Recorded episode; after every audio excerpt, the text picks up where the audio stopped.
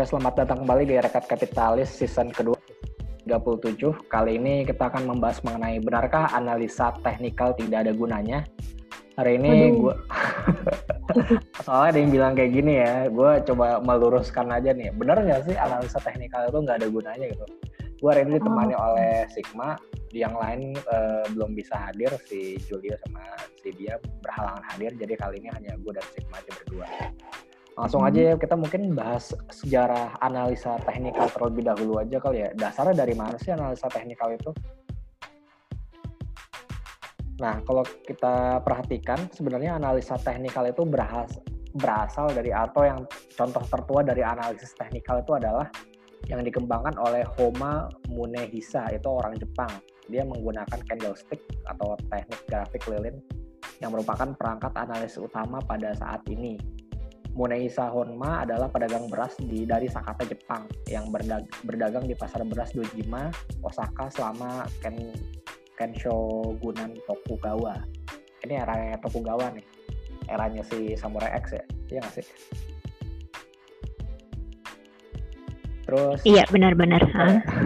Terus eh, dia kadang-kadang dianggap sebagai bapak dari bagan lilin atau candlestick sekitar 1710 dia pasar berjangka muncul untuk beras yang sebelumnya telah diperdagang secara eksklusif di tempat. Jadi sepengetahuan gue ya analis teknikal ini digunakan sama si Mr. Homamu Nehisa ini sebagai alat untuk memprediksi uh, harga beras harga beras ke depannya karena kan harga beras itu kan tergantung dari pasokannya kan kadang naik kadang iya, turun betul. nah itu dia uh-huh. pakai candlestick itu untuk memprediksi harga beras nih kira-kira ke depannya berapa nah dari situ dia mulai mengembangkan si candlesticknya jadi ya inilah sejarah analisis teknikal tuh dari sini gitu loh, bukan apa sih, bukan sesuatu ilmu nujum atau apa segala macam. Ya ini dari sini semua awalnya berasal dari sini. Ada ilmunya gitu loh, bukan asal itu itu asal jadi aja gitu aja. Terus juga ada lagi teori ini emang Emang awalnya tuh buat dagang komoditi gitu kan? Iya betul. Untuk memprediksi hari komoditi ke depannya tuh kayak gimana dari kan dari, dari situ kelihatan ya. Oh nih titik terendahnya atau titik supportnya di segini di seribu misalnya. Oh ini titik tertinggi uh -huh. harga beras di dua ribu misalnya. Jadi kan dari situ kelihatan. Oh ke depannya kemungkinan nih range harga si beras ini dari antara seribu sampai dua ribu kira-kira kayak gitu ya. Uh -huh. Nah, terus ada lagi namanya teori Dow. Teori Dow ini dikembangin uh, berdasarkan oleh tulisan dari Charles Henry Dow yang merupakan pendiri dan editor dari Dow Jones. Dow Jones ya kita tahu lah sekarang. Oh, ini Dow ini, Jones asalnya emang iya, ini. Iya, asalnya dari ini teori Dow Jones segala macam. Dia mengembangkan uh, teknik analisis modern pada abad, pada awal abad ke-19. Terus ada juga nih kalau pernah kalian Elliot Wave, pernah dengar nama Elliot Wave itu juga terdapat pula mm-hmm. Ralph Nelson, Elliot dan William Delbert Gunn. Hilo Gunn. Itu ada kan tuh Hilo yang pakai kipas gitu nama tahan alis teknikalnya ini dari mereka juga nih. Dan ini gue malah baru denger ya.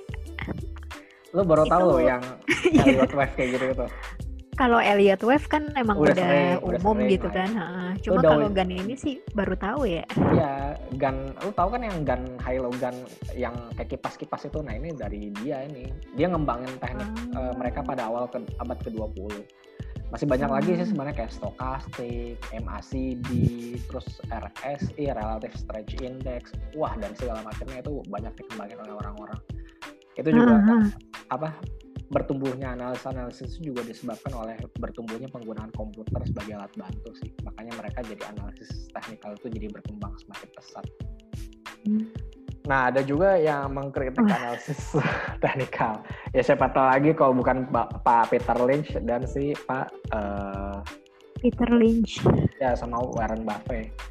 Peter Lynch itu yang sebelah kiri ya. Kalau yang Warren Buffett ya pasti tahu lah Warren Buffett yang mana. Hmm. Kalian ada yang Ini... udah pernah dengar, ada yang belum gitu terkenal nih tradingnya kalau Peter Lynch. Gue macam gue Peter Lynch mak. Kalau ini kan Warren Buffett kan udah terkenal ya. Kalau Peter Lynch, gue cuma tahu sih dia ya lebih famous karena trading ya kan. Kalau Warren Buffett kan lebih ke invest gitu. Hmm. Ya, gitu sih. Sebenarnya sih si Peter Lynch sama si Warren Buffett sama-sama investing. Cuman bedanya mungkin ya si apa ya si Peter mungkin lebih agresif kali ya invest, investasinya ya. Mungkin gua rasa kayak gitu ya. Kalau si Warren Buffett kan lebih buy and hold gitu. Kalau si Peter Lynch mungkin lebih ke lebih agak sedikit agresif investasinya, cara investasinya menurut gue ya. Soalnya kalau gue lihat-lihat dari sepintas bacaan dia aja yang pernah gue baca gitu ya, dia tuh jadi dia kalau misalnya ada barang sesuatu tuh dia nanya ke istrinya eh sekarang lagi musim apa nih? kata dia gitu. Dia nanya sama bininya malam-malam kalau habis setelah kerja gitu. Oh iya. aja loh. Iya gue pernah baca soalnya. Oh iya ini apa? Hmm. oh iya ini apa uh, ada belanja bla bla bla bla bla. Oh gitu. Itu laris sama barangnya? Iya laris banget di pasaran. Nah, terus dia lihat di harga sahamnya, harga sahamnya ternyata hmm. masih di bawah dan uh, valuasinya masih rendah. Nah, itu dia beli tuh, dihajarin beli beli beli beli beli. Terus pas kinerjanya emang beberapa bulan kemudian atau beberapa periode kemudian bagus, nah itu sahamnya kan naik tuh. Nah, itu dia dapat untung dari situ. Jadi dia hmm. sebenarnya hmm. mem, apa sih mempelajari habit uh, habit orang-orang gitu. Orang-orang pada senang apa sih? Nah, itu dia mulai pelajaran itu dari situ orang lagi beli apa beli apa segala macam itu ada perusahaan listingnya nggak oh kalau misalnya listing listing dia beli perusahaannya kalau dia tuh pertama lihat uh, kan orang laku nih belanja produknya. Nah dia terus hmm. pelajaran itu kondisi keuangannya kayak gimana. Oh ternyata kan masih murah tapi belum dilihat belum dilirik orang. Nah itu dia beli. Kalau Warren Buffett ya gue usah tanya lah. Itu dia dari Coca Cola dari saham penerbangan yang sampai dia cut segala macam itu orang udah pada tahu semua. Cuman mungkin kalau Peter Lynch banyak orang yang belum tahu. Tapi berkomentar bahwa grafik adalah sangat bagus untuk memprediksi masa lampau. Kalau Warren Buffett mengatakan, saya menyadari bahwa analis teknikal itu tidak berguna sewaktu saya membalikkan grafik tersebut sehingga yang berada di bawah, yang ada, yang atas berada di bawah dan saya tidak menemukan sesuatu jawaban yang berbeda. Dan apabila sejarah masa lampau semuanya tercengang di situ, maka yang akan menjadi orang terkaya adalah para pustakawan. Oke, itu pendapatnya dia tapi ya gue sih nggak nggak sepenuhnya menyalahkan dia dan nggak sepenuhnya membenarkan dari pernyataan ini sih sebenarnya. Iya benar ya kan? Nggak uh, uh. ada saat-saat tertentu emang saham bisa dipredik dengan analisis teknikal.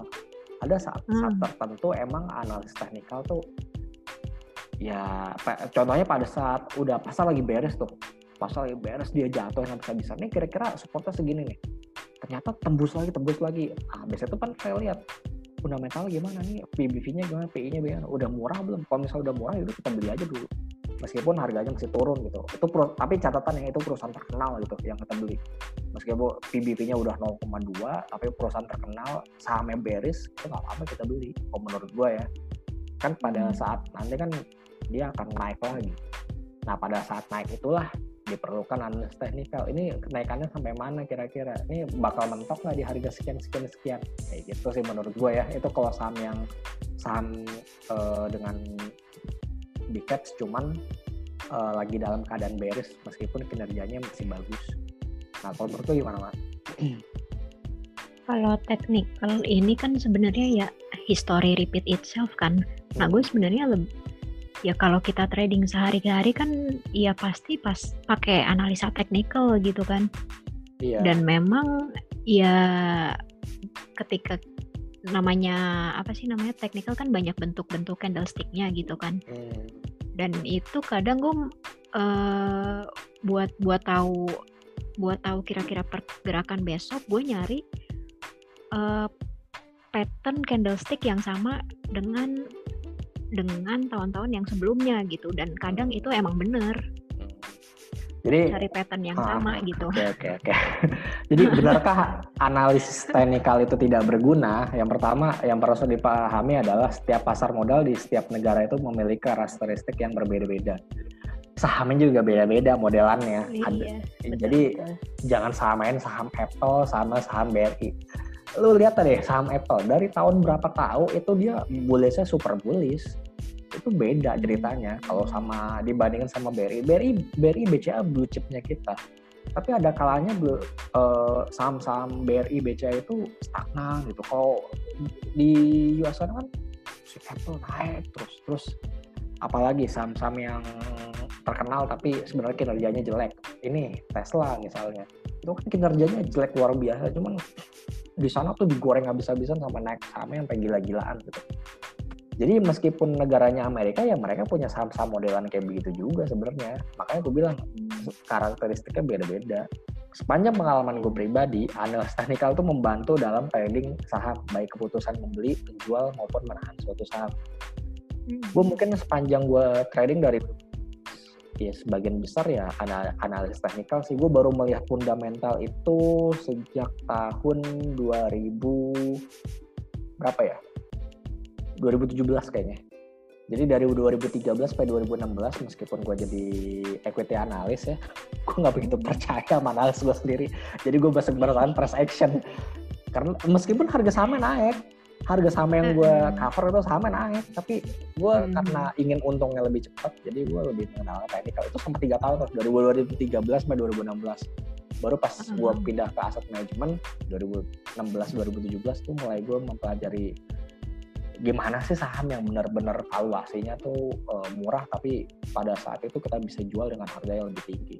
Di saat itu gue iya, karena hmm, ya namanya ngelola ngelola portofolio gitu kan iya. kan nggak mungkin lo masukin uh, di portofolio itu saham gorengan gitu kan iya betul yang betul. Uh. nah di saat itu juga kan gue ketemu saham modelan kayak KBLI terus saham apa lagi ya banyak sih yang bisa naik sampai lumayan gitu waktu itu nah lu sepanjang pengalaman lu pribadi mah lu lebih pernah pakai fundamental atau selalu teknikal terus sepanjang pengalaman lu trading? Sepanjang pengalaman trading pakai feeling. Jadi misal gini ya, ah, uh, namanya ceritanya lagi ngeliatin running trade gitu kan. Hmm. Nah terus secara teknikal nih uh, kayaknya menarik gitu kan. Nah gue cari uh, apa sih namanya bahan-bahan pendukung yang secara fundamentalnya tuh gimana gitu kan. Kalau fundamentalnya mendukung ya udah gue beli. Cuma kalau fundamentalnya kurang ya mendingan tahan-tahan dulu aja gitu loh. Hmm, itu jadi awal uh, dalam keadaan jadi emang awal boleh apa beres waktu itu yang lo perhatiin biasanya? Uh, biasanya itu ada ada pattern yang menurut gue bisa buat di tradingin sih. Jadi oh, biasanya gue okay. cari yang kira-kira emang dia tuh lagi apa ya namanya ya uh, lagi mau proses rebound gitu-gitu kali ya. Hmm. Jadi yang kira-kira lagi di bawah gitu secara oh. teknikal, secara chartnya. Iya ini ya reversal lah ya lu ngandelin kayaknya ngandel iya, reversal, reversal begitu gitu ya. Uh-huh. Ya itu strateginya Sigma sih beda lagi. Kalau misalnya strategi Sigma ini bisa dipakai pada saat sekarang-sekarang kayak begini nih. Ini cocok nih strategi Sigma. Cuman kalau misalnya lagi pasar lagi bullish, cuman sedikit saham yang bisa Sigma yang kayak gitu bisa dapat tuh sedikit kalau iya. di pasar lagi bullish. Uh, iya nggak, bener lah. Uh, ya kalau lagi bullish. Sedikit kan sahamnya kayak gitu. Mm-hmm. Bahkan malah kalau saham yang modelan kayak gitu malah bisa bentuk new low baru kan kalau misalnya emang lagi kadang dia beda sendiri geraknya kan kadang-kadang ya iya nggak mau uh, ya kalau bullish cari yang ini aja yang break break apa namanya break resist kan iya. Uh, jadi ya strateginya di tiap fase pasar juga beda-beda, setiap negara beda-beda. Nah terus juga satu lagi nih, tidak ada analisis yang mampu memprediksi harga secara akurat secara 100% itu nggak ada. Mau fundamental, mau teknikal, iya. nggak ada. Gue bilangin nggak ada dah. Teknikal aja tuh paling paling besar tuh probability-nya cuma 70%. Itu paling besar loh. Bisa cuma 60%, 50%. Ya jadi nggak ada yang inilah nggak ada yang absolut bisa 100% tuh nggak ada. Fundamental pun juga sama. Fundamental kita bilang oh BCRA itu target parasnya tiga puluh ribu. Sekarang ya mau mau kapan tiga puluh ribunya? Kan it takes time gitu loh butuh waktu. Sebenarnya juga analisis teknikal mau fundamental tuh merupakan dua hal yang berbeda namun bisa saling melengkapi kan. Misalnya fundamental kita gunain untuk uh, screening saham-saham mana aja yang bagus kita beli gitu terus kalau untuk uh, when atau kapannya itu timingnya bisa bisa pakai analisis teknikal ya nggak sih mbak? Mm-hmm, benar-benar. Itu kan lebih simpelnya kayak gitu ya. Jadi ya lo beli saham yang bagus misalnya Unilever, Telkom atau BCA atau BRI gitu. Itu saham memang bagus, cuman uh, secara fundamental gimana udah murah atau belum, lagi murah atau belum. Terus setelah udah lihat, oh sama lagi murah, lagi fasenya kayak gimana lagi downtrend atau lagi uptrend atau lagi sideways kalau misalnya lu berniat wah saya nggak buru-buru trading nih. Ya udah kita beli aja misalnya lagi downtrend kalau sahamnya bagus kita beli pas downtrend nggak apa-apa. Terus kita belinya bertahap kalau ke saham-saham model kayak gitu. Kalau uptrend sih ya itu mah kemungkinan besar mm -hmm. pasti bisa naik ke depan sih. Nah ngomong-ngomong uptrend downtrend sideways ini kita langsung bahas ISG aja mungkin ya. Nah menarik. yes ini menarik nih menurut gue nih ini menarik ini ISG udah ada di kisaran uh, 4.800-an.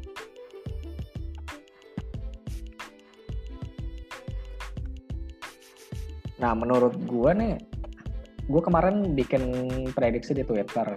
Bikin prediksi hmm. Dalam dua minggu terakhir, biasanya hari Kamis itu turun, hari Jumat rebound. Biasanya begitu. Hmm. Itu dua minggu terakhir tuh, biasanya kayak gitu tuh.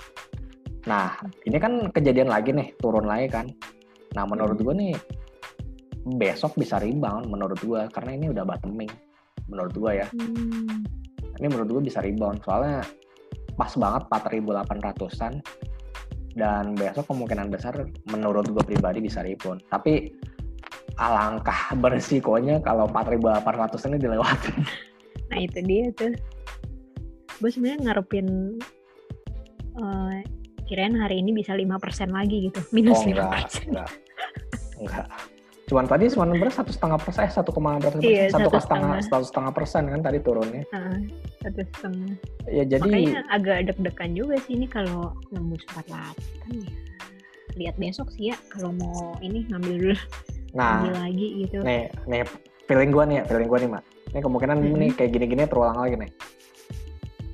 Hmm. Jadi besok Jumat nih turun di bawah turun ke bawah dibikin ekor di bawah, hmm. di bawah turun ke bawah habis itu jam 10-an atau setengah 10 ditarik ke atas udah sampai sampai penutupan hijau udah tuh ceritanya menurut gue kayak gitu loh soalnya sepanjang hmm. dua minggu terakhir tuh kayak gitu ceritanya jadi ditarik ke bawah ya tariknya hmm. gak usah gede-gede lah paling satu setengah persen atau berapa atau dua persen gitu tarik ke bawah orang-orang udah panik segala macam jam setengah sepuluh ditarik lagi ke atas dan dia tarik ke atas udah nggak turun-turun lagi kalau menurut gue sih gitu ya oh gitu jadi menurut lo ini ribon ribon di sini cukup gitu ya habis yeah. itu iya. dia langsung uptrend lagi mm, menurut gue sih hmm. gitu jadi menurut gue sih mm. ISG tuh bakalan besok sih dibanting dulu menurut gue ya oh mm. sesuai skenario ya dibanting dulu terus kayak pas sudah jam setengah sepuluh ke jam sepuluh candle yang mulai hijau baru datang dinaikin lah ini peng naik ke atas.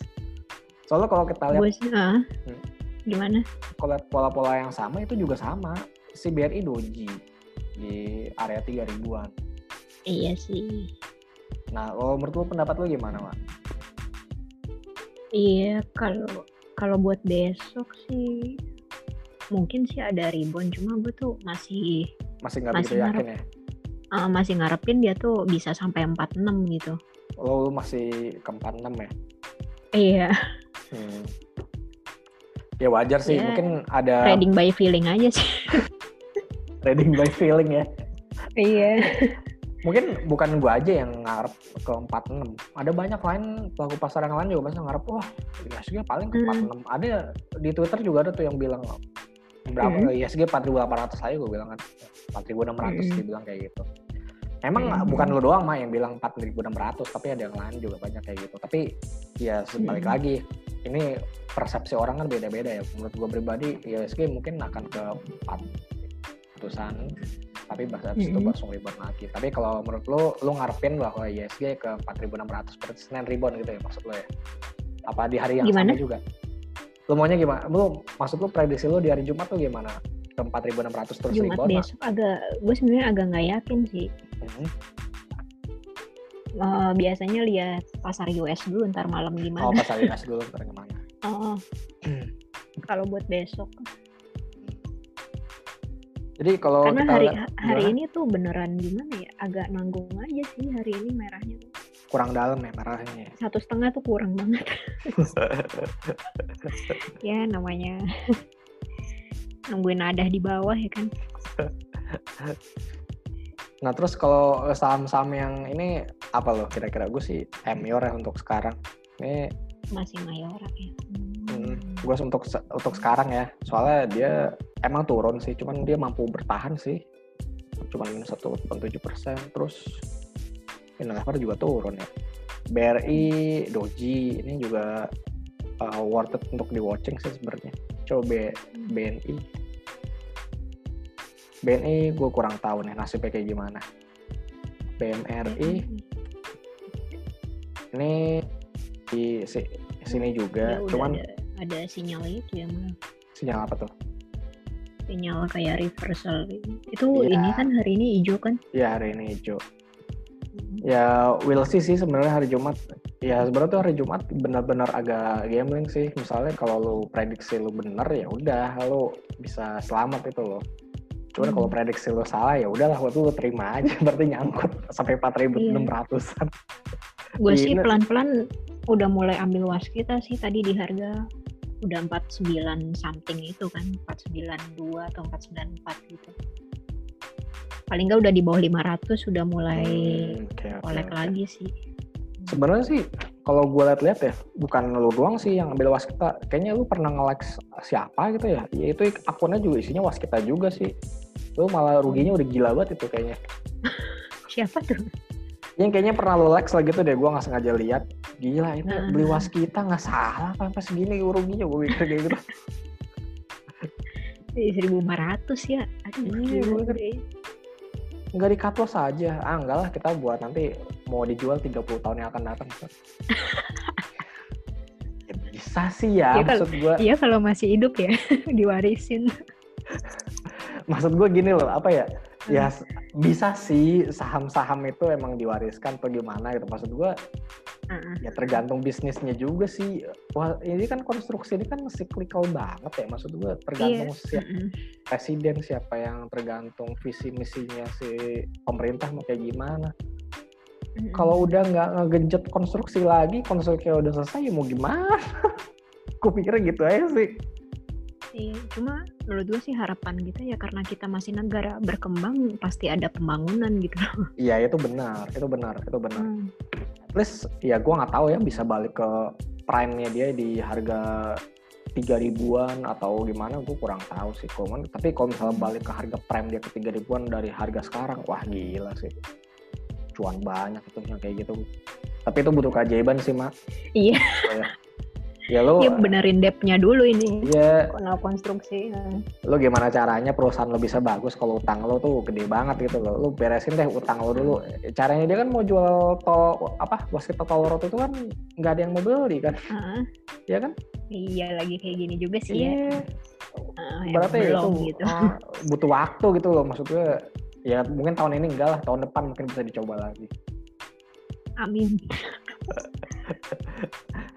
ya jadi Yang menarik apalagi nih? apalagi ya mungkin Mas ya, gimana Mas? Mas lagi turun juga sih Mas MDKA coba MDKA MDKA lagi disupport sih kok gue bilang Hmm, menarik nih MDKA nih terus Mungkin menarik. Eh, Iya. Kan Tam coba kemungkinan si Trump bakal kepilih lagi ya. lu yakin pernah kepilih lagi Kayaknya sih karena saat ini eh gue pernah dengar di mana gitu si Trump ini pilihan yang paling safe buat sekarang gitu kan karena orang-orang sana kan udah pada tahu re- track recordnya dia lima tahun kemarin tuh kayak gimana. Takutnya kalau orang kalau orang baru resikonya baru lagi yang mereka tuh nggak tahu gitu. Nah ini nih logika lu ini nih yang jarang-jarang nih mbak. Ini logika lu ini nih jarang-jarang. Itu maksudnya- denger di mana gitu kan Hah, Oh, gimana pendap- gimana Pendapat gue hampir sama kayak lu, tapi gue udah lihat dari sisi yang lain. Sebenarnya ekonomi US itu mulai pulih sebenarnya.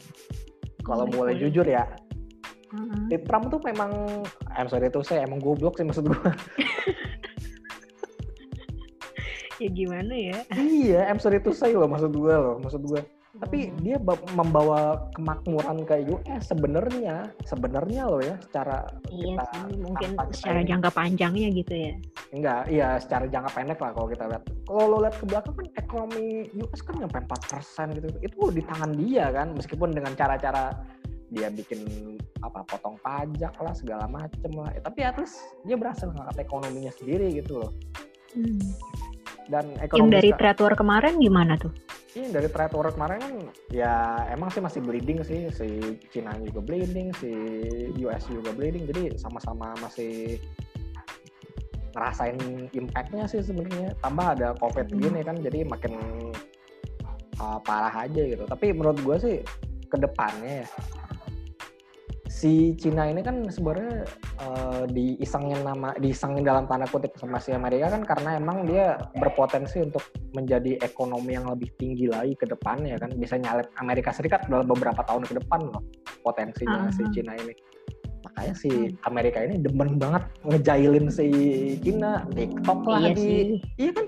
TikTok lah Iya di ban sih. segala macam masalah kan itu ya lu bayangin deh. Tapi ya dampaknya satu dunia ya. makanya si si Trump itu mikir gini gila ini si Cina tumbuh berapa persen aja nih dalam beberapa tahun yang akan datang bakal nyalip ekonomi kita. Dia mikirnya begitu ya dia mikir dari sisi US ya bukan dari sisi dunia. Dia bodo amat sama dunia mau kayak gimana juga. Yang penting Mhm. negara aja maju ya kan? Dia mikirnya begitu Iya, kan? Iya sih. dia mikirnya begitu Make kan? America great again itu. iya makanya negara again. Dia mikirnya kayak gitu. Ya dia bodo amat sama negara lain. Tapi pendapat lain mengatakan kalau misalnya Biden kepilih kan eh, dia lebih moderat lah. Jadi eh, apa dana inflow dana ke Asia itu lebih bakal kencang lagi kalau misalnya dia kepilih jadi presiden. Soalnya dia tidak mempersoalkan perang dagang dan segala macamnya sih. Tapi gue nggak begitu yakin sih perang dagang selesai begitu aja menurut gue ya.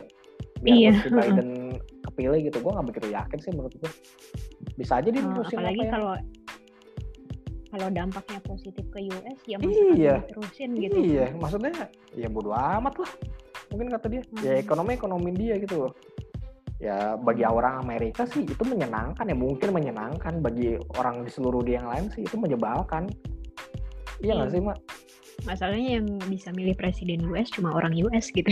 iya dan udah orang US itu pakai electoral vote gitu loh itu yang lebih pentingnya lagi tuh Hmm. Jadi dia kan sistemnya beda sama kita gitu. Kalau kita kan one man one vote gitu. Dia kan beda Iya. sistemnya.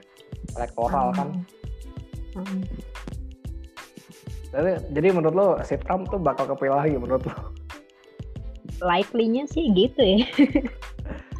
Nah ini Iya. kalau ngomong-ngomong soal Trump kepilih lagi, ya kemungkinan besar ha- saham-saham komoditas bisa lanjut naik lagi sih. Kayak batu bara, terus apa ya minyak sih belum lah. Batu bara sih menurut gue yang bakal ini lagi. Dia kan orangnya, Mining ya. iya dia kan anti itu kan, anti science kan orangnya makanya Hmm. eh, saham-saham pertambangan waktu dia kepilih itu naiknya gila-gilaan. Dan Hmm. sekarang pun harga batu bara kan lagi rebound nih gara-gara Cina Hmm. mulai ngimpor batu baranya lagi. Dan kalau misalnya Trump kepilih itu mungkin bisa jadi stimulus tambahan buat si batu bara sih kalau menurut gue. Iya sih. Dan coba tuh di sini ada perusahaan, ada nggak sih perusahaan IT yang go public gitu kan kayak di sono perusahaan teknologi kan banyak gitu. IT. Dan itu yang emang naik gitu kan di sono. Kalau di sini IT sih nggak ada, mah adanya ini doang distributor. Ya eh, kayak era gitu-gitu ya. Iya, Bukan. era terus kalau untuk eh, ini ya kayak laptop komputer gitu sih ini Metro Data Metro Data Electronics paling Hmm. dia importernya si HP Asus sih Iya dia importernya HP Asus Distributor. Oh. ada yang distributor kalau kayak perusahaan-perusahaan ya bikin sendiri sih nggak ada ya untuk Indonesia saat ini ya. Palingan nanti kan 2021 nanti kan ada pabrik Hyundai itu itu juga baru kan pabrik Hyundai tapi Hyundai kan Hmm. nggak listing di sini Baru tahu. Jadi mau bikin di sini gitu ya? udah bikin mah pabriknya. Jadi Pabriknya? si uh, jadi Hyundai itu bakal di ini, bakal di apa? eh, CKD di sini, maksudnya completely kenal bukan completely sih, bukan CKD sih. Jadi dirakit di sinilah mobilnya si Hyundai. Rakitnya itu. di sini. Ya, Oke. jadi harganya bisa lebih murah, Hmm, aja sih. menarik. Dan gue mikirnya sih gini ya, Hyundai itu kan induk perusahaannya dari Kia ya. Heeh. Dan gue mikirnya Kia itu kan sekarang dipegang Indo Mobil. Hmm, gue mikir masih. gue mikir nggak menutup kemungkinan Kia juga bisa diproduksi di pabriknya Hyundai gue sih mikirnya gitu aja Hmm, gue mikir gitu aja soalnya kan kalau kita perhatiin aliansi di global si Nissan itu kan aliansinya sama si Mitsubishi heeh. nah ini Nissan Livina itu kan diproduksinya di pabriknya Mitsubishi ya jadi satu gitu ya iya jadi kalau di global itu emang ada beberapa perusahaan yang emang sebenarnya satu cuman di sini ya jadi beda-beda ATPM gitu loh mm -mm. Kayak si Daihatsu Toyota aja kan sebenarnya ya emang sih di, di Indonesia juga dipegang oleh Astra sih. Kalau di Indonesia bedanya itu ya satu. Jadi Toyota sama Daihatsu dipegang sama Astra gitu. Meski di Jepang juga sama. Ada Daihatsu itu bagian dari Toyota. Kalau di Jepang hmm. kayak gitu di global kayak gitu. Makanya di Indonesia sendiri Astra megang sih Daihatsu juga. Isuzu gue kurang tahu deh Isuzu itu bagian dari Toyota apa enggak. Tapi ATPM-nya Isuzu ya si uh, Astra juga ATPM-nya oke oke jadi mungkin itu ya apa prediksi kita soal ISG menurut gue sih Jumat uh, bisa rebound kalau syarat-syarat terpenuhi menurut hmm. pribadi pendapat pribadi gue ya kalau misalnya si ISG turun dulu ke 4700-an terus rebound ke 49-an lah menurut gue sih kayak gitu. Oke. Okay. Jadi itu aja dulu dari kita. Jangan lupa untuk like dan subscribe akun YouTube Friday Rakyat Kapitalis. Kalau ada pertanyaan bisa kirim email kita di rakyatkapitalis@gmail.com. Jangan lupa follow Twitter kita di @rakyatkapitalis. Uh, episode ini juga dapat disaksikan, didengarkan di Spotify dan Kurikulum Kapitalis, gue Farhan dan Sigma pamit undur diri dulu. Kita akan berjumpa kembali di episode berikutnya. Bye-bye. Bye.